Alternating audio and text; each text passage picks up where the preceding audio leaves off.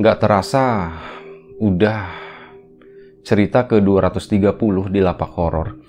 Dan di cerita ke 230 ini masih ngebawain cerita kiriman dari salah satu kawan subscriber. Kali ini dari Mas Aris Rahman yang tinggal di daerah Blora, Jawa Timur. Terima kasih buat Mas Aris dan keluarga terutama istrinya ya yang katanya ya ikut membagikan cerita ini juga melalui audio. Dan ya semoga gue bisa menceritakan kembali ke kawan-kawan dengan baik gitu dengan semaksimal mungkin. Tapi sebelum kita ke cerita seperti biasa gue pengen ngucapin banyak-banyak terima kasih buat kawan-kawan subscriber semuanya Terima kasih buat kawan-kawan yang udah ngasih support, udah ngasih dukungan. Terima kasih buat kawan-kawan yang udah ngasih like, udah nge-share ke yang lainnya. Dan terima kasih juga buat kawan-kawan yang udah ninggalin komentar. Terima kasih banyak semuanya. Nah, cerita dari Mas Aris ini tuh kejadiannya sekitar 8 tahun lalu. Di mana waktu itu istrinya Mas Aris itu namanya Mbak Hamidah itu sakit keras, sakit yang cukup lama. Jadi apa ya, kayak gejalanya itu cukup aneh. Istrinya Mas Aris itu nggak bisa nginjek tanah. Kalau kakinya nempel ke tanah atau lantai secara langsung tanpa alas, itu biasanya dia akan apa ya, akan kesakitan. Katanya itu panas banget gitu jadi ya selama sekian lama istrinya tuh nggak pernah turun ke bawah ya. Jadi dia menghabiskan waktu udah cuma di tempat tidur aja di mana semua kebutuhannya itu Mas Aris yang penuhi dibantu sama dua orang anaknya. Nah, ternyata ya penyakit itu bukan penyakit yang mudah. Jadi Mas Aris itu udah pernah nyoba jalur medis ya, bahkan sampai ke kayak dokter saraf atau dokter kejiwaan kayak gitu takutnya ada gangguan ya dari sisi saraf atau dari sisi kejiwaan tapi hasilnya tetap nihil sama aja. Sampai akhirnya Mas Aris waktu itu udah nyerah uh, ke medis ya. Dia pun tetap nyoba ikhtiar gitu cari jalur alternatif jalur non medis tapi hasilnya tetap sama. Nggak ada hasil gitu. Udah dicoba lebih dari lima orang katanya, tapi tetap aja nggak ngaruh, nggak ada yang berubah sedikit pun, tetap sama, nggak sembuh-sembuh. Ya udah, akhirnya mereka berdua pun uh, boleh dibilang pasrah, pasrah, tapi dibilang enggak juga enggak kan? Kenapa? Karena Mas Aris masih tetap ya masih tetap berupaya gitu dia tuh nyari-nyari ini istri tuh kenapa sih ini istri kenapa gitu cuman dari beberapa orang itu rata-rata dari mereka itu cuman bilang wah ini tuh kena guna-guna. Katanya seperti itu. Istri mas itu kena ya kena teluh atau kena santet kayak gitu. Makanya mau di mau diobatin kayak model kayak gimana juga susah gitu ya. Mereka cuman berusaha ngobatin tapi ya masih sama hasilnya tuh nihil gitu ya. Sampai pada satu titik di mana mereka uh, istrinya ya istrinya tuh bilang mas udahlah mas biarin aja kayak gini mas. Kalau memang mau sembuh ya sembuh. Kalau enggak ya enggak gitu. Mas Aris ya ya enggak enggak gitu juga deh gitu. Mas tetap berusaha nyari obatnya gitu. Ya siapa tahu dari herbal atau obat yang lain bisa katanya seperti itu. Dan istrinya suatu hari bilang seperti itu tapi suatu hari dia ngeluh mas kok nggak sembuh sembuh ya? Gitu. Kok masih sakit ya? Aku kok gini terus? Kayak itu jadi ya sehari pasrah, sehari enggak, sehari pasrah, sehari enggak kayak gitu masih labil ya. Sampai akhirnya pada suatu hari nggak sengaja gitu.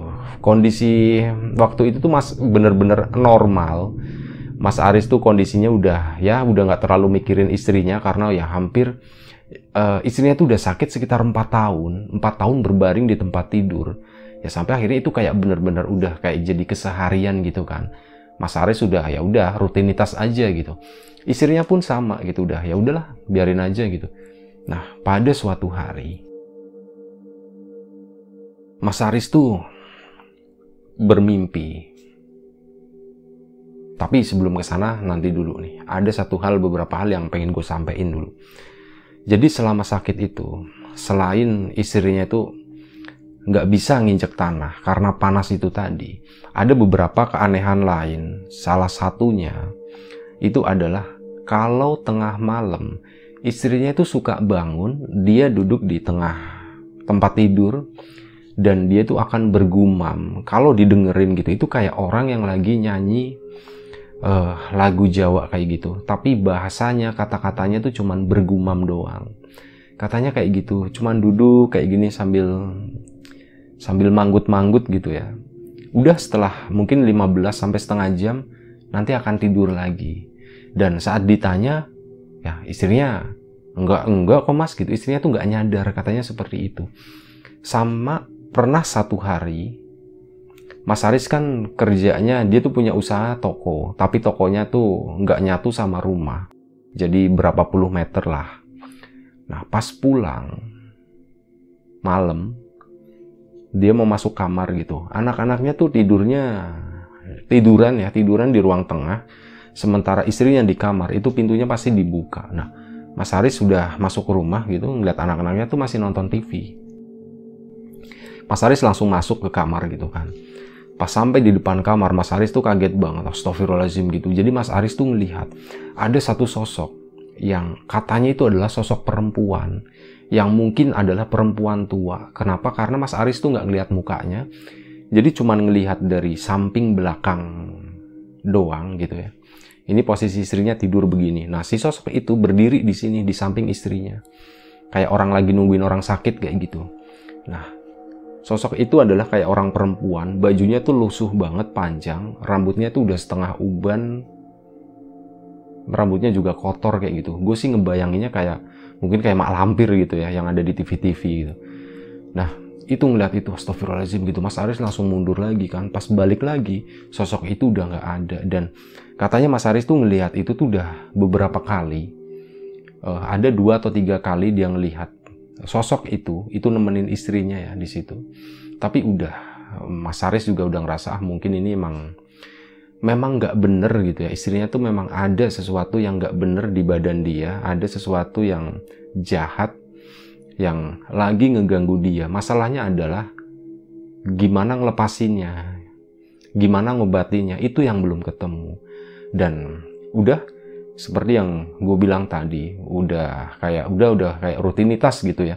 Nah setelah beberapa hari gitu ya tiba-tiba Mas Aris itu mimpi dia itu mimpi ketemu sama seseorang seorang yang udah sepuh. Seorang pria. Dia tuh uh, Mas Aris lagi duduk sendirian gitu. Dia lagi bengong gitu ya cuman ngeliatin gitu. Kok sepi banget ya siang ini? Karena itu waktu itu siang katanya dalam mimpi. Nah tiba-tiba di sampingnya itu ada orang tua. Duduk di situ sebelahnya. Nepuk ininya Mas Aris gitu ya. Mas Aris kaget kan gitu kan Kai putuku, putu wadonku katanya. Itu cucuku, cucu perempuanku maksudnya itu istrinya Mas Aris ya, itu dia disuruh ikhlas. Itu dia disuruh ikhlas. Udah pasrah aja. Nggak usah mikirin yang macem-macem, suruh pasrah aja. Nanti sembuh sendiri katanya. Katanya seperti itu, kata si orang tua tadi. Nah, Mas Aris bangun gitu kan, astagfirullahaladzim. Kok mimpi kayak gini ya? Pas itu malam.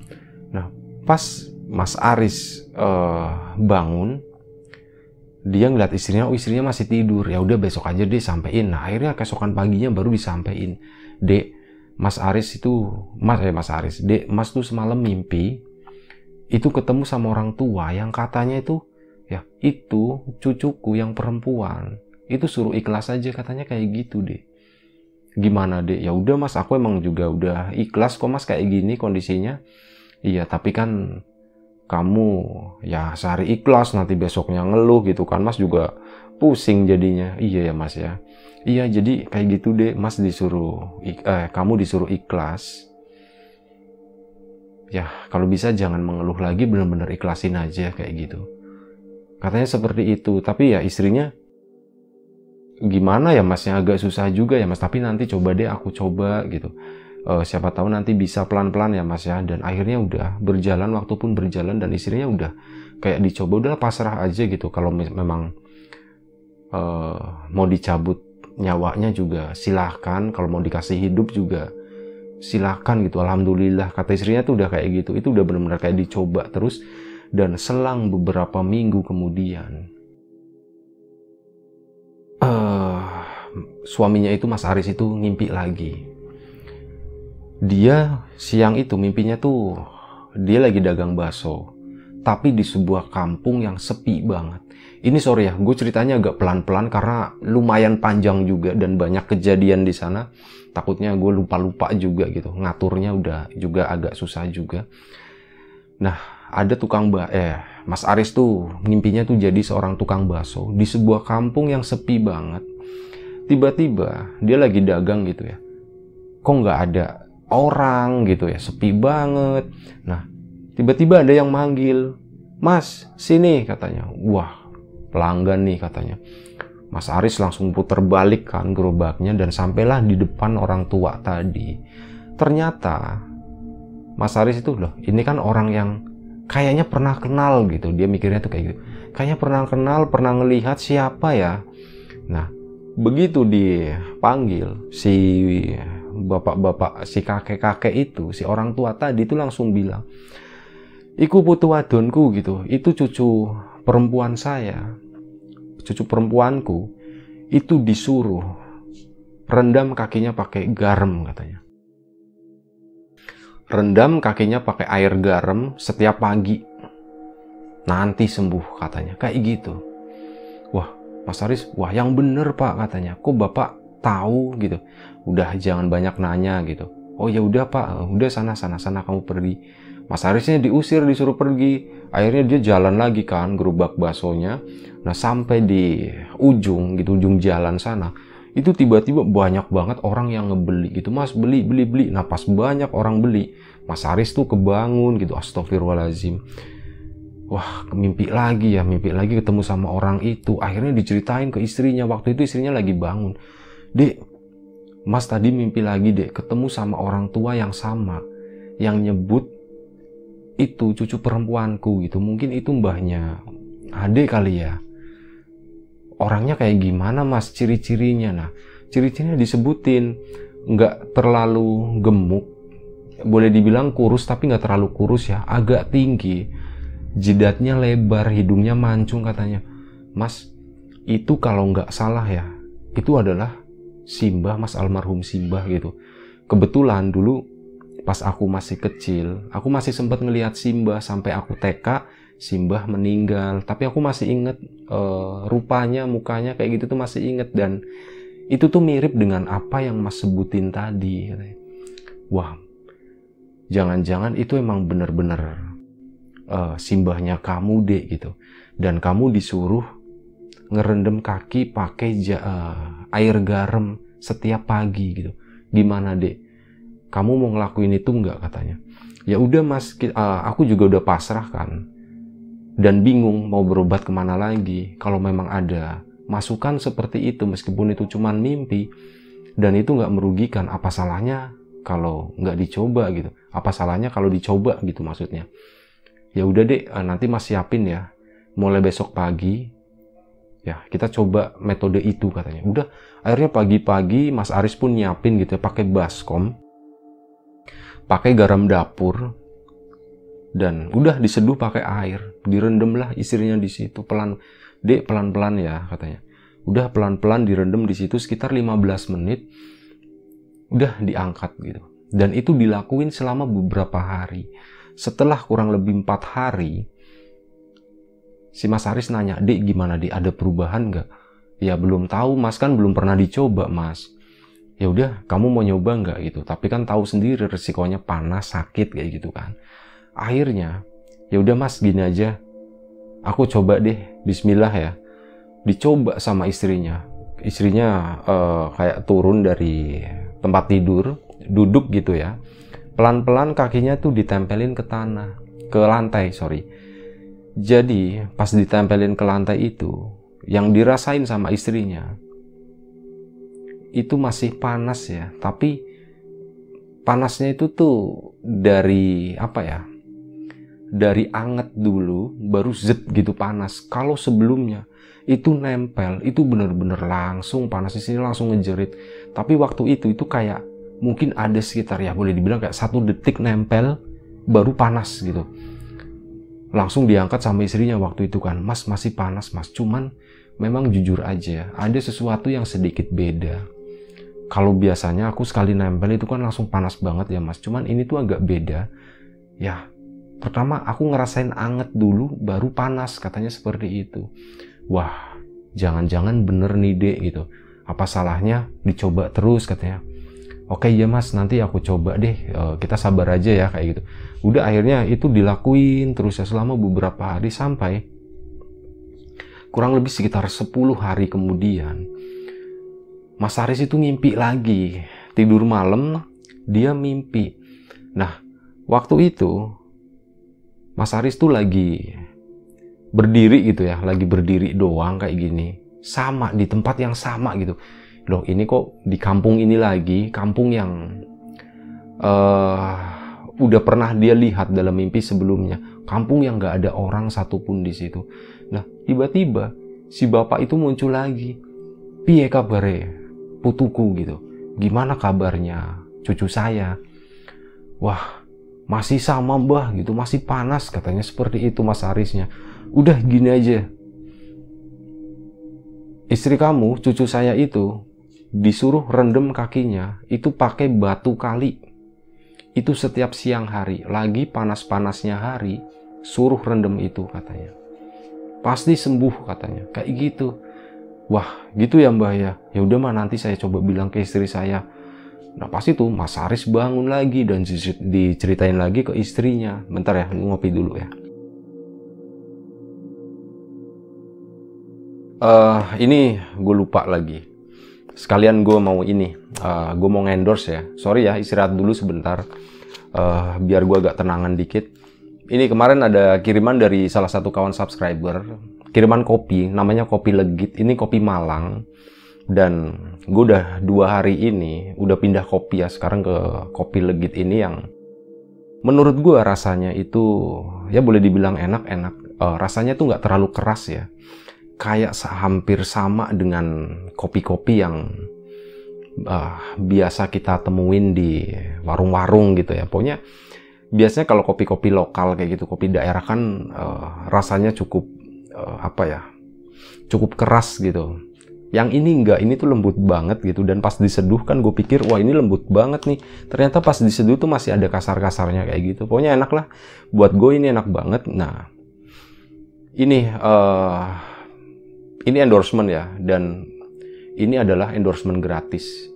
Gue nggak meminta apa pun untuk masalah endorsement. Jadi buat kawan-kawan misal ada yang punya produk terutama kawan-kawan yang usaha di usaha rumahan gitu, lapak horor bersedia ngasih endorse gratis buat bantu kawan-kawan semuanya. Dan ini benar-benar gratis ya. Tapi yaitu tadi nggak semua produk bisa masuk, hanya produk-produk tertentu aja. Jadi kalau misalnya ada kawan-kawan yang berminat, bisa hubungin ya hubungin kita dulu gitu. Nah ini kopi legit dari Malang, enak bisa dicoba deh ini mungkin beberapa hari ke depan ya tempat kopi yang bakal nemenin gue kopi legit ini kita lanjut ceritanya. Tadi itu disuruh ngerendam pakai batu.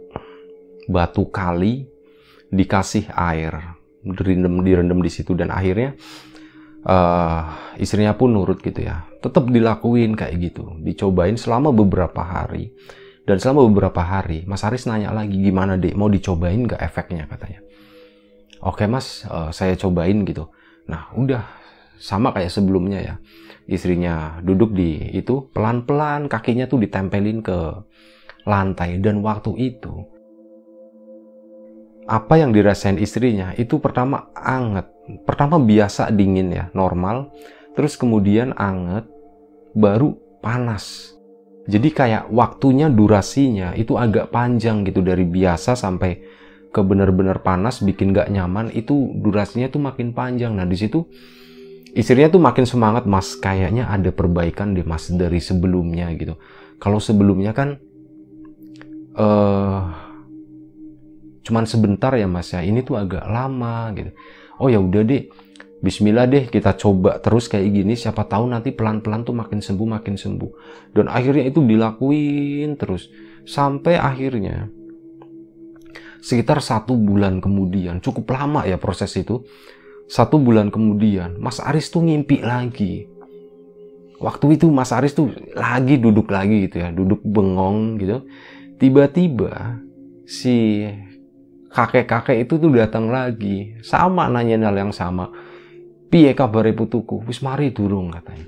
Gimana kabar cucu saya? Udah sembuh belum?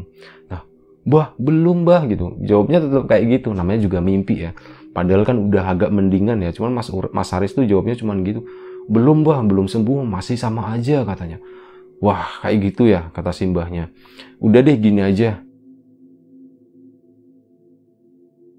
nanti bilang ke istri kamu, ke cucu saya, rendam kakinya pakai perasan beras atau tajin ya, air tajin. Rendam pakai itu, katanya. Oh gitu ya mbah ya? Oke mbah, siap mbah, kayak gitu. Udah akhirnya Mas Aris bangun lagi. Sorry, sorry, sorry. Mas Aris bangun lagi dan cerita ke istrinya. Dek, tadi ketemu Simbah lagi, disuruh ngerendam pakai air tajin Oke mas, udah lakuin aja mas. Nah, tapi ngerendamnya tuh sore hari deh. Kalau pagi pakai garam, siang pakai batu kali. Kalau malam, sore hari itu pakai air tajin gitu. Ya udah mas, gini aja nanti masak nasinya itu dibagi dua aja. Masak siang sama nanti yang buat malam itu biar ya biar nasinya nggak kebuang juga kan mas. Iya dek bener dek mas juga udah kepikiran kayak gitu. Akhirnya dilakuin lah seperti itu sore hari pasti masak nasi dan yaitu air bekas perasannya itu itu dipakai buat ngerendam kaki istrinya. Dicoba selama beberapa hari. Setelah beberapa hari, di dicobain dong kayak gimana efeknya katanya. Iya mas, aku juga penasaran katanya. Nah dicobain. Istrinya udah agak pede gitu kan. Ditempelin langsung ke lantai, istrinya langsung ngejerit panas mas, panas katanya. Ini balik lagi kayak yang awal gitu, bukannya malah sembuh tapi malah balik lagi ke yang awal. Ini aku nggak bisa nih kayak gini katanya. Jadi akhirnya udah dicoba lagi deh. Tadi kan kamu langsung nempel ya, coba pakai ujung jari itu. Akhirnya dicoba pakai ujung jarinya, ditempelin sama istrinya. Istrinya ngejerit kepanasan, ya akhirnya kayak balik lagi ke awal gitu.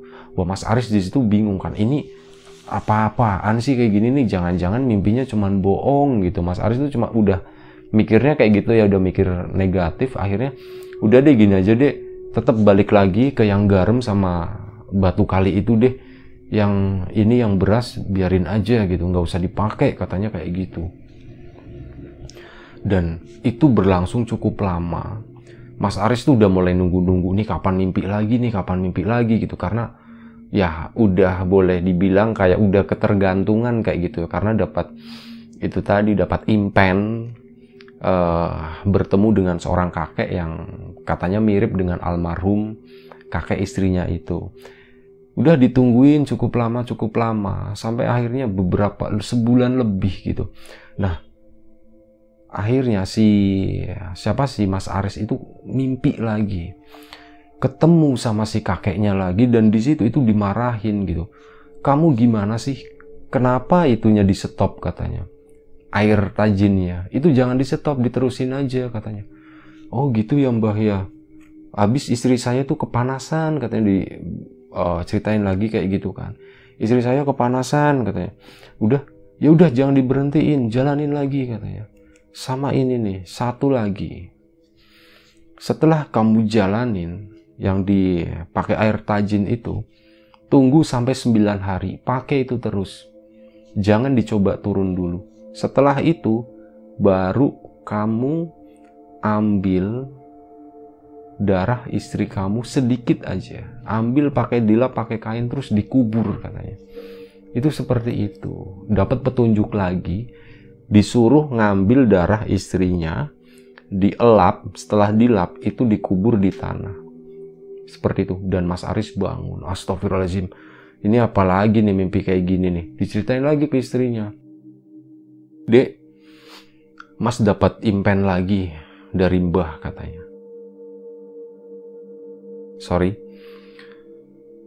Adik harus begini ini harus diterusin lagi yang pakai air tajin. Ditunggu sampai 9 hari. Setelah 9 hari nanti mas ambil sedikit darahnya adik. Nanti ngambil dari ujung jari aja. Nggak sakit katanya kayak gitu. Kayak periksa di dokter-dokter kayak gitu deh oh ya udah mas. Nggak apa-apa mas. Akhirnya udah 9 hari itu dilakuin sampailah pada hari ke-9 ya di mana si mas Aris itu mau ngambil darah istrinya. Siang hari, tengah hari, pada zuhur, selesai duhur ya, mungkin jam satu siang lah kayak gitu. Mas Aris siap dengan peralatan gitu dia tuh pakai uh, apa namanya jilet kecil ya. Mau nyobek ininya ujung uh, jarinya pas mau disobek itu istrinya tiba-tiba bangun dia berdiri di tempat tidur. Oh pokoknya gue tak pateni gue kayak katanya kayak gitu. Apa kamu? Tak bunuh kamu katanya kayak gitu. Dia tuh ngamuk-ngamuk. Jangan macem-macem ini kayak gitu. Jangan macem-macem sama saya gitu. ngamuk istrinya. Ya Mas Aris bingung dong wah ini kok jadi ngamuk kayak gini nih? Kenapa nih? Kenapa anaknya akhirnya ikut panik ikut masuk juga pak ibu kenapa ibu kenapa? Nggak tahu bapak juga nggak tahu gitu. Ini bapak tuh akhirnya ceritain bapak tuh mau ngambil ini dikit doang mau ngambil darahnya doang tapi ibu ngamuk-ngamuk kayak gitu. Apa kamu kayak gitu? Anaknya juga ditunjuk-tunjuk ya sambil bilang itu tak patah ini gue tak patah ini kabeh kayak tak, tak matiin semua kalian katanya kayak gitu. Akhirnya udah dipegangin sama Mas Aris gitu ya sambil uh, istrinya tuh ngerontak-ngerontak kayak gitu dan nggak sengaja tuh jatuh. Nah pas jatuh itu entah kenapa ya Mas Aris juga sampai sekarang nggak tahu istrinya tuh kayak kesangkut sesuatu gitu yang bikin di belakang tumit kakinya itu berdarah sedikit ya. Nyampe darahnya tuh ngelicir netes kayak gitu. Dan waktu itu itu kesempatan dari Mas Aris ya Mas Aris tuh udah nyiapin tisu sebenarnya nggak pakai kain tapi pakai tisu nah itu langsung dilap sama Mas Aris gitu setelah dilap istrinya udah diangkat lagi kan ke atas dinaikin lagi ke tempat tidur waktu itu masih kayak gini masih apa namanya masih berusaha berdiri itu dan dia tuh teriak-teriak sampai akhirnya beberapa tetangga itu ngedenger bapak-bapak ya Mas kenapa Mas Aris? Mas Aris kenapa? Itu istri saya ngamuk-ngamuk gitu. Nah, para tetangga itu sebenarnya udah tahu ya, ada sesuatu yang terjadi sama istrinya itu. Wah, gini aja deh, panggil ibu-ibu katanya, panggil ibu-ibu. Akhirnya ibu-ibunya dipanggil, pada ngumpul di situ. Nah, istrinya Mas Aris itu dipegangin semua tuh sama ibu-ibu. Mas Arisnya langsung, Bu, saya minta tolong sebentar aja ini dipegangin gitu. Nah, ibu-ibu megangin semuanya. Istrinya udah ngamuk-ngamuk. Mas Aris langsung buru-buru lari ke belakang karena dia tuh inget dan dia tuh yakin. Dia udah dapet darahnya, tinggal nguburin doang. Akhirnya ngeduk tanah di belakang rumah gitu kan. Dikeduk langsung dikubur, ditutup rapet. Bismillah katanya. Begitu begini, deng, kok suara istrinya hilang ya. Semuanya tiba-tiba jadi hening ya akhirnya Mas Aris masuk giliran masuk ngeliat istrinya dia udah berbaring tenang kayak gini badannya udah basah keringet ya sambil dilus-lus sama uh, tetangganya itu ibu-ibu ya Mas Aris si mbaknya udah tenang katanya wah alhamdulillah alhamdulillah gitu terus Mas Aris ngedeket gimana dek? Kamu dek? Nah istrinya tuh kayak bingung gitu ya. Wah gimana apanya mas? Ini kenapa rame? Gitu. Lah iya tadi uh, kamu nggak sadar gitu. Kamu tuh ngamuk-ngamuk katanya. Masa sih mas? Aku nggak ingat mas. Ingatku aku lagi tidur tadi katanya. Seperti itu. Ya udah akhirnya ditenangin sama ibu-ibu. Ya akhirnya pas sudah tenang uh, ibu-ibunya pulang, bapak-bapaknya pulang, udah tinggal Mas Aris doang berdua kayak gitu. Dan ya seperti itu, boleh dibilang kayak mulai hari itu istrinya tuh sembuh gitu. Sembuh dengan cara seperti itu. Mas Aris ngikutin apa yang dia dapat dari mimpi ya. Ini agak nggak masuk akal sih, cuman ya sesuatu kalau memang harus terjadi ya maka akan terjadi kan. Nah seperti itulah proses sembuhnya istrinya gitu. Dan setelah beberapa hari gitu, Mas Aris lagi di toko, tiba-tiba itu ada orang tua yang Mas Aris kenal gitu. Itu datang, assalamualaikum, waalaikumsalam gitu.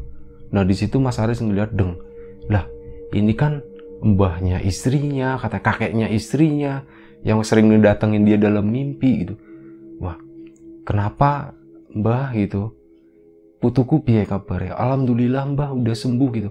Oh ya wis syukur alhamdulillah. Ya wis yo. Nah si mbah itu balik lagi gitu balik badan terus udah ngilang.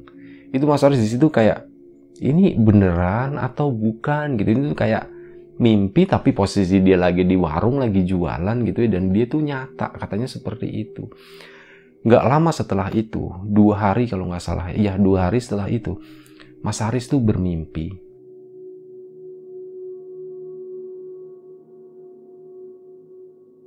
Mas Haris tuh eh Mas Haris itu bermimpi ketemu lagi sama si kakeknya istrinya itu. Ngedatangin lagi tapi nggak ngomong apa nggak ngomong apa-apa. Udah pergi aja. Giliran istrinya yang udah sembuh itu dia pun bermimpi dia didatangi sama kakeknya. Piye? Kowe wis mari? Nok katanya. Kowe wis mari ndok gitu. Sampun mbah. Udah mbah. Saya udah sembuh mbah. Oh ya wis syukur katanya. Udah syukur. Uh, ya wis yo mbah ning sawah sik gitu. Ya udah ya. Uh, kakek ke sawah dulu katanya. Oh nje mbah. Oh iya mbah. Udah akhirnya kakeknya pergi. Nah pas lagi pergi, si istrinya itu ngelihat ada sosok yang katanya sering dia lihat, sering yang nemenin dia. Sosok yang sering nemenin dia. Itu sosok perempuan yang di awal diceritain tadi ya, yang gue bilang, ya gue ngebayanginnya itu mirip kayak mak lampir. Nah itu tuh ngedeketin kakeknya, terus digandeng sama kakeknya menuju ke arah sawah sana. Itu kayak gitu gue nggak tahu apa yang sebenarnya terjadi gitu. Yang intinya sih dari cerita ini istrinya tuh sembuh dengan cara seperti itu. Dengan ngikutin petunjuk-petunjuk dari leluhurnya gitu ya dari kakeknya. Walau alam siapa yang ngedatengin uh, Mas Aris itu siapa sampai dikasih petunjuk kayak gitu ya. Ya mungkin kalau dari gue sih ya semua segala sesuatu itu atas terjadi itu atas seizin Allah gitu ya, atas seizin Tuhan gitu. Ya apa pun yang dialami sama Mas Aris sih gue yakin ya dengan jalan apa pun itu pasti ya, itu atas kehendak dari Tuhan gitu. Ya udah ceritanya segitu aja nggak usah panjang-panjang. Gue agak-agak lupa juga sebenarnya masih ada nih. Waktu si kakeknya ke sana sama si apa si sosok perempuan tadi yang digandeng itu. Itu tuh udahlah ini nggak usah diceritain. Uh, Mas Haris uh, mohon maaf yang hal ini nggak usah gue ceritain. Kayaknya nggak nggak nggak ini nggak terlalu nggak terlalu penting lah. Udah segitu aja ceritanya udah cukup aja segitu. Nah terima kasih buat kawan-kawan yang udah mau dengerin udah mau nonton cerita ini uh, jujur aja gue agak agak-agak keringetan gitu. Hari ini ceritain cerita ini gue nggak tahu kenapa. Ya gue mohon maaf misal ada sesuatu yang nggak menyenangkan ada sesuatu yang nggak enak buat didengar gue mohon maaf. Buat Mas Aris juga gue mohon maaf misal ceritanya nggak lengkap misal ceritanya tuh banyak yang disensor kayak gitu gue mohon maaf kita ambil segala sesuatu yang positif dan kita buang jauh-jauh segala sesuatu yang negatif sekali lagi gue mohon maaf uh, jangan lupa ngopi dulu, ngopi legit ya. Terima kasih banyak. Jaga kesehatan kawan-kawan semuanya. Assalamualaikum warahmatullahi wabarakatuh.